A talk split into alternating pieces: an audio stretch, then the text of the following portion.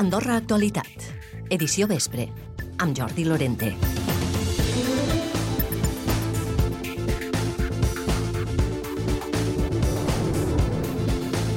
Benvinguts a aquest temps d'informació a la sintonia de la ràdio pública en aquest Andorra Actualitat. Avui també versió reduïda per la durada d'aquesta sessió de Consell General. Així doncs, sense més pausa, anem començant ja en el que és aquesta edició. A la direcció tècnica i al Martí Oliveres us saluda davant del micròfon Jordi Lorente. Anem.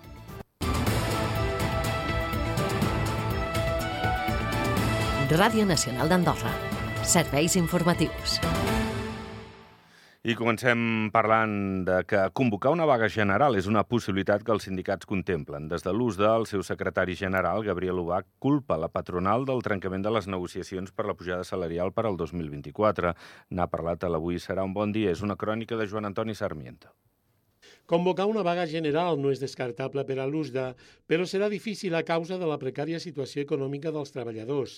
En declaracions a Ràdio Nacional, el secretari general del sindicat ha manifestat que la classe del país està desapareixent a un ritme alarmant per la pèrdua del poder adquisitiu que xifren en un 30% en els últims anys. Jo estic convençut que una vaga general, amb la situació que hi ha avui en dia, que la gent tot just arriba a final de mes, és molt difícil de convocar. També vam com intentar nosaltres convocar, doncs, abans de convocar una vaga general d'aquest tipus, mirar de fer una caixa solidària, no? perquè realment les persones que ho necessiten poder-los ajudar.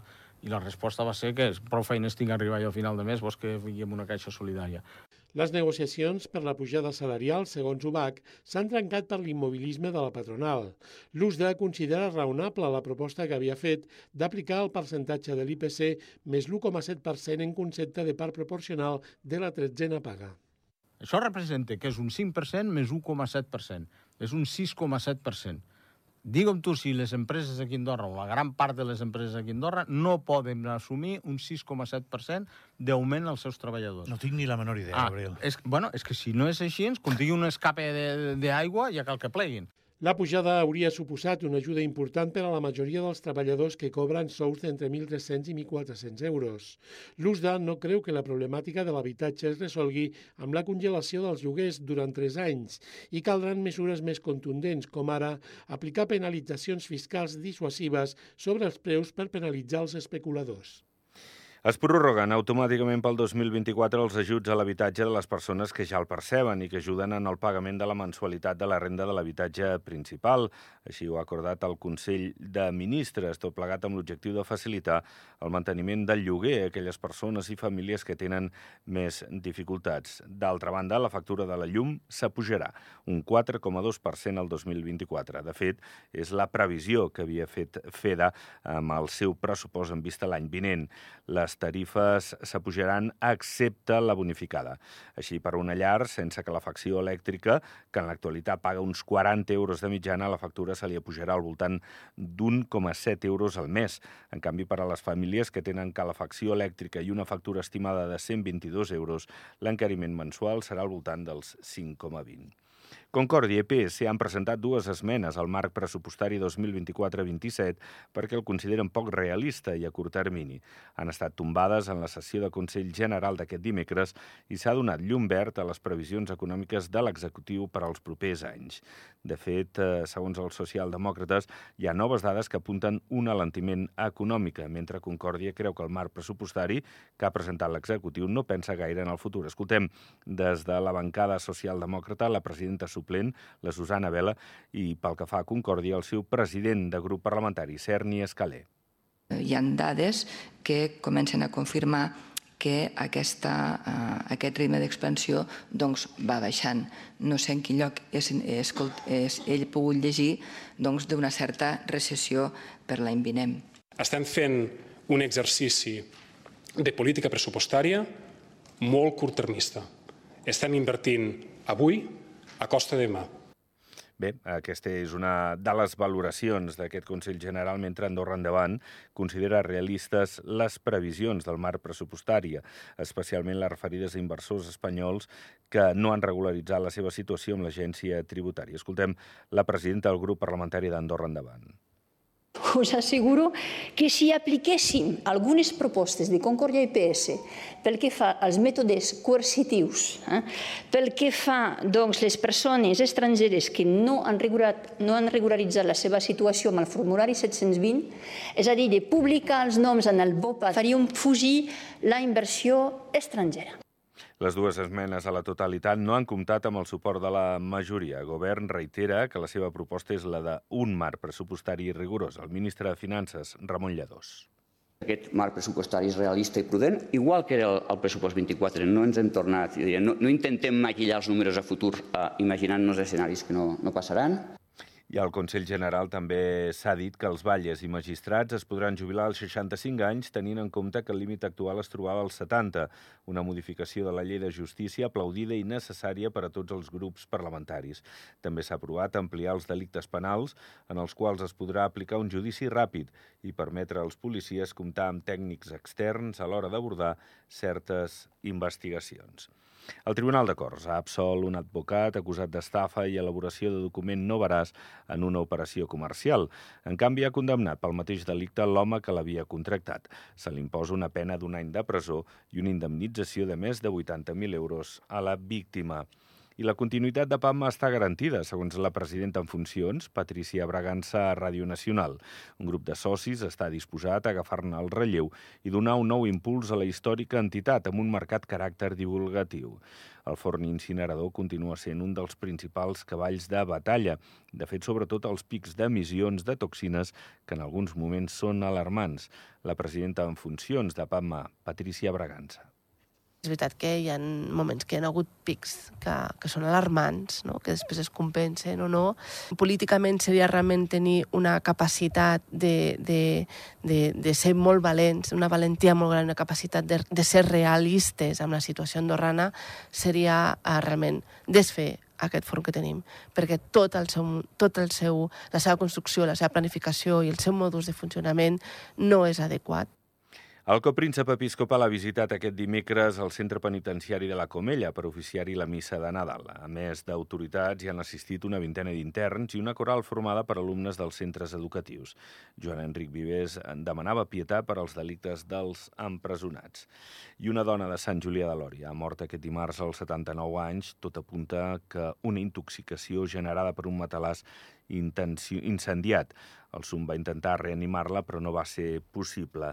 De fet, una veïna de Sant Julià ha mort eh, per, eh, en aquest cas, el fum que hauria generat un matalàs cremat. Tot va començar a les 9 de la nit, quan el veí va veure un d'ells que sortia molt de fum del quart pis del número 28 del carrer Lori. De seguida va trucar als bombers i es van desplaçar quatre dotacions al lloc dels fets. Van intentar reanimar aquesta senyora durant 45 minuts fins que finalment, dissortadament, van certificar la seva mort. El pont tibetà ha tingut enguany un retorn econòmic d'uns 2,5 milions d'euros.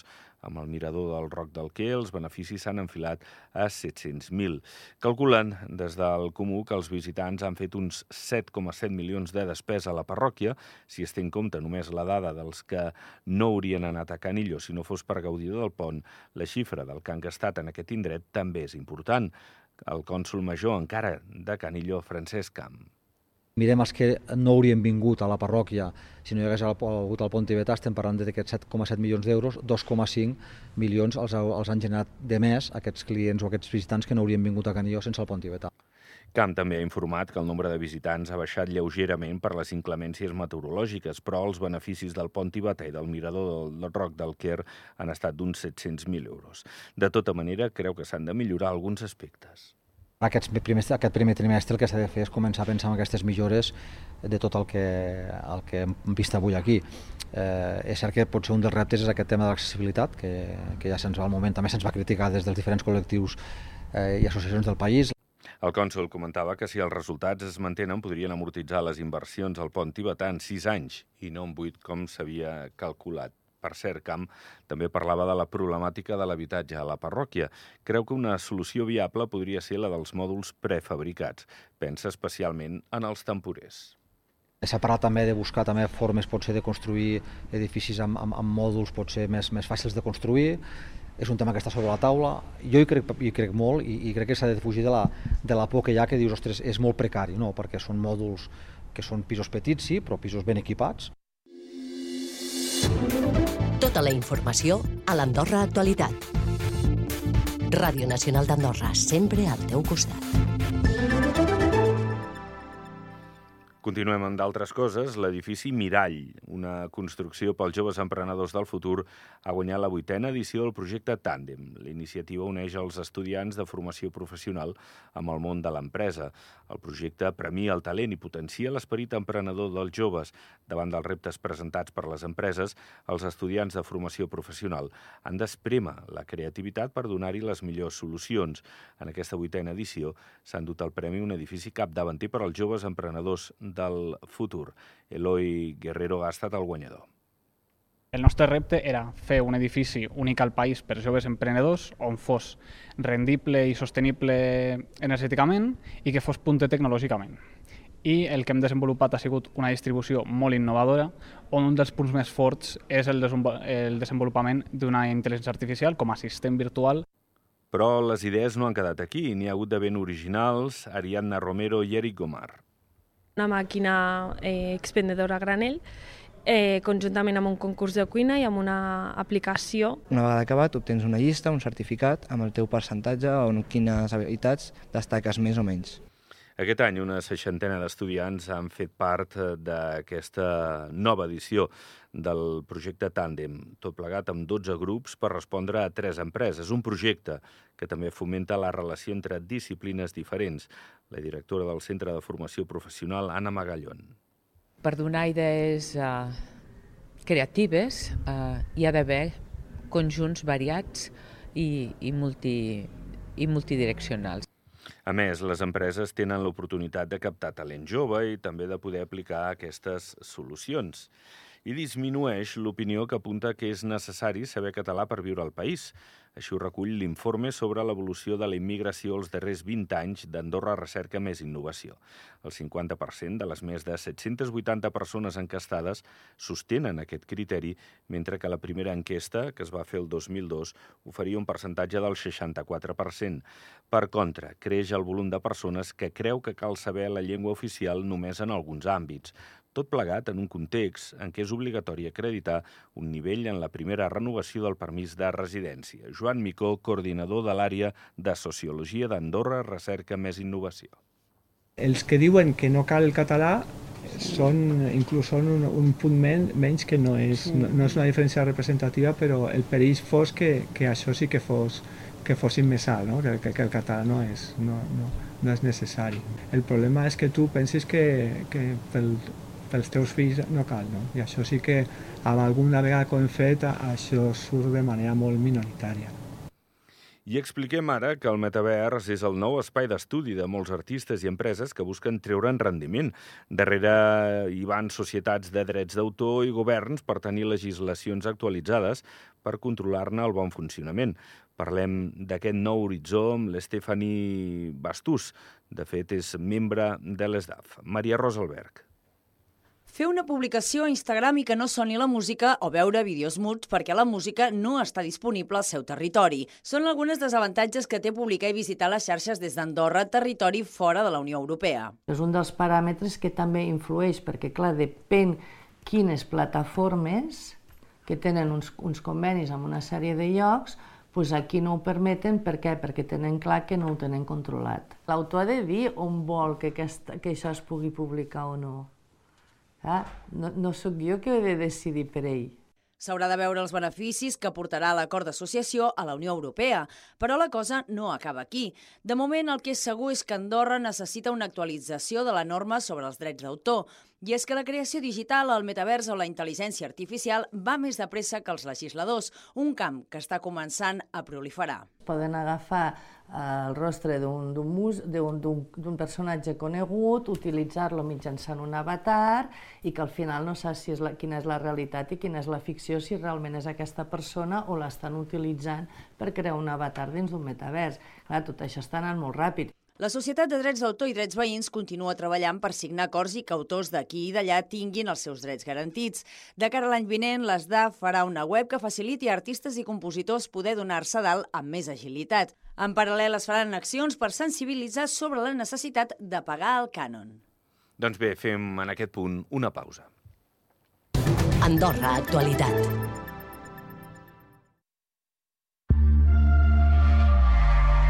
...94.2 de l'FM.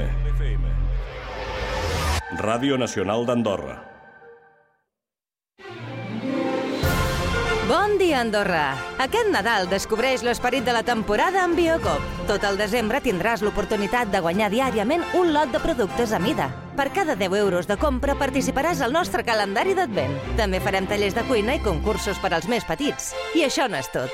Amb cada butlleta també entraràs al gran sorteig de paneres, valorades en 100, 200 i 300 euros, que serà presencial el dijous 21 a les 8 de la tarda. Continuem lluitant per un comerç just i pels hàbits saludables, amb productes ecològics i de proximitat. I volem compartir amb tu el nostre compromís. Et desitgem bon Nadal i esperem que vinguis a celebrar-ho amb nosaltres a Biocop Andorra. Troba'ns a l'Avinguda del Faner 41. Bones festes! Les festes de Nadal ja són aquí i cada dia estan més a prop el Pare Noel i els Reis Mags. Els sents? Si vols parlar amb ells, només cal que truquis al 121. Els diners recaptats amb la trucada aniran destinats a Càritas Andorrana perquè totes les famílies d'Andorra puguin celebrar aquest Nadal. El cost de la trucada és d'un euro. Andorra Telecom et desitja unes bones festes i un feliç any nou. Ascensors. Necessites un bon ascensor per a la teva llar, el teu negoci o el teu establiment? Posa't en contacte amb Ascensors Principat. Ascensors Principat t'ofereix manteniment, muntatge i servei tècnic les 24 hores. També oferim portes de garatge i escales mecàniques amb el servei de manteniment i reparacions, amb rapidesa i seguretat. Vine'ns a veure a la carretera de l'Aldosa Anyós, l'Aldosa de la Massana o truca'ns al telèfon 737 777 o al 838 000. Demana'ns pressupost sense compromís. Sí que hi ha poca llum en aquesta casa. Ara sí que m'hi veig. A veure què tenim per aquí. Les sabates per al Tonet, les ulleres de la Remei, els guants per al Pau i per a la petita... Ostres, quanta cosa! Un llibre, un os de peluix, un videojoc... Au, ja ho tinc tot. Cap a la següent casa. Apaga la llum abans de sortir. Oh, oh, oh, bon Nadal! FEDA us desitja unes bones i sostenibles festes. Apaga la llum!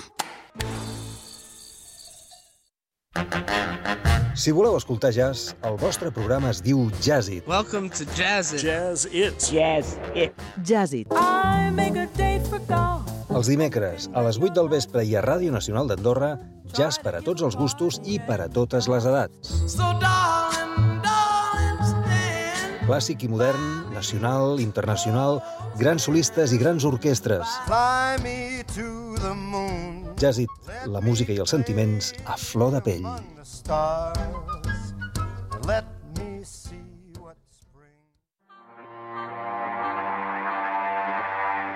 És la pública. És la teva. És la nacional. Andorra Actualitat. Un parell de punts de la plana internacional, en aquest cas eh, pel que fa referència als ministres d'Economia i Finances de la Unió Europea, que han tancat aquest dimecres un acord polític sobre les noves regles fiscals. El pacte s'ha assolit en una reunió telemàtica on s'ha aconseguit tancar l'acord abans del final de la legislatura. D'aquesta manera, la reforma torna a limitar el dèficit i el deute dels estats membres després que les mesures fiscals es congelessin durant quatre anys per la pandèmia. Els 27 han aconseguit, després de mesos de discussions, doncs, salvar les diferències entre els socis.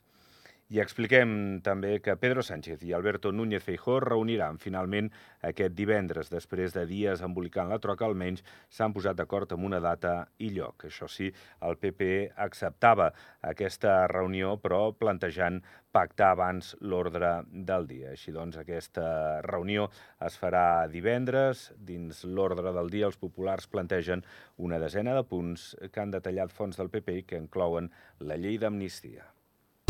Andorra Actualitat.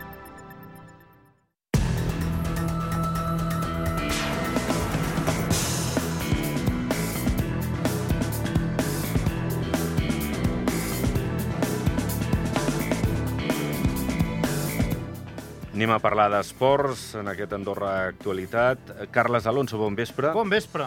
I del rugby, que estan enfadats eh, per la qüestió de l'estadi nacional, perquè es veuen a venir, mm, hi hauria la possibilitat potser que no puguin tenir el camp de Prada Moles lliure l'any que ve. Bueno, això és el que eh, avui s'ha parlat, aquest vespre darrera hora farà aproximadament uns 40 minuts i, com molt bé deies, no? la Federació de Rugby reclama una instal·lació per jugar. Tem que Parada de Moles sigui per a les entitats esportives d'en camp a partir de la temporada que ve. També critica el govern i el Futbol Club Andorra perquè no s'han posat en contacte amb ells. Com dèiem, la, la FAR ha reconegut que es pot quedar sense camp per jugar. Tem que, com dèiem, Parada de Moles sigui d'ús per les entitats esportives d'en camp que ja reclamen més hores. Si et sembla, sentim Jean-Baptiste Pox, president de la FAR. Si en camp per dir alguna cosa eh, diuen que l'any que ve no pot estar al VPC, on anem? pues jo ho tinc claríssim. A l'1 de juliol estarem al Nacional.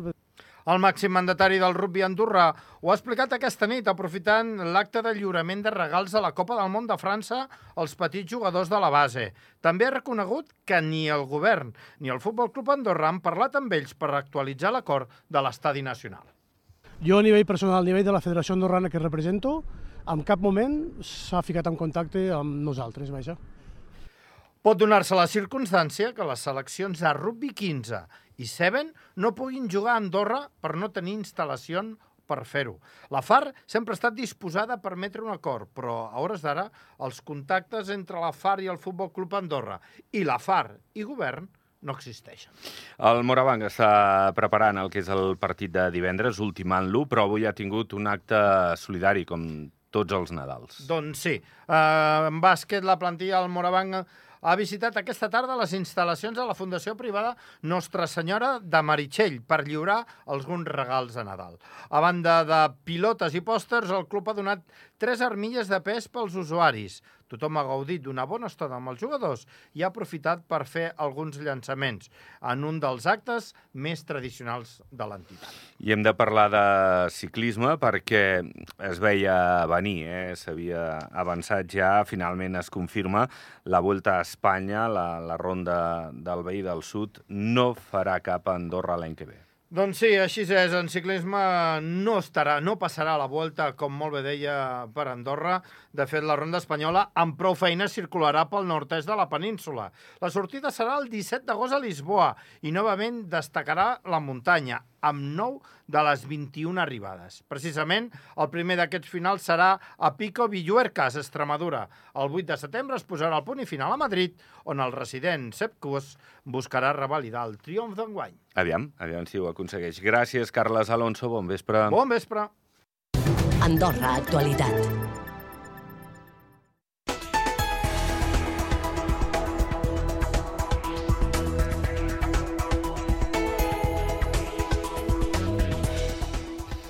I ara anem a fer el que és eh, sempre en aquest Andorra Actualitat una obligació, que és la previsió del temps. Josep Tomàs. Aquesta nit i matinada la situació ha d'estar encapçada per la tranquil·litat, excepte cap al nord del país, on el vent encara ha de bufar fort i fins i tot amb alguna dèbil nevada.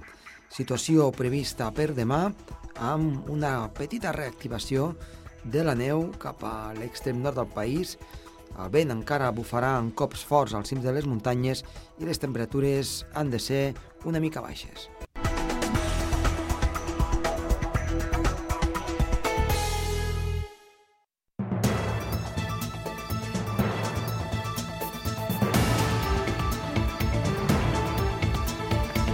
Bé, ho anem a deixar pel que fa a aquest Andorra Actualitat fora d'hores eh, per la durada d'aquest Consell General on Concòrdia i PSC han presentat dues esmenes al marc pressupostari del 2024 al 2027 perquè el consideren poc realista. I també en aquest Consell, que pogut seguir en directe des de les 4 de la tarda, s'ha aprovat l'avançament de l'edat de jubilació de batlles i magistrats i l'ampliació dels delictes en els quals es podrà aplicar un judici ràpid. Això pel que fa al Consell. També hem escoltat a Gabriel Bach, el secretari general de l'USDA, fent referència a aquest trencament de negociacions amb el que és la patronal i, per què no, potser fins i tot fer una vaga. Però això, ha dit, és bastant complicat. Ho deixem aquí. Gràcies per seguir-nos a aquestes hores. Demà hi tornem a les 7 del vespre. Adéu.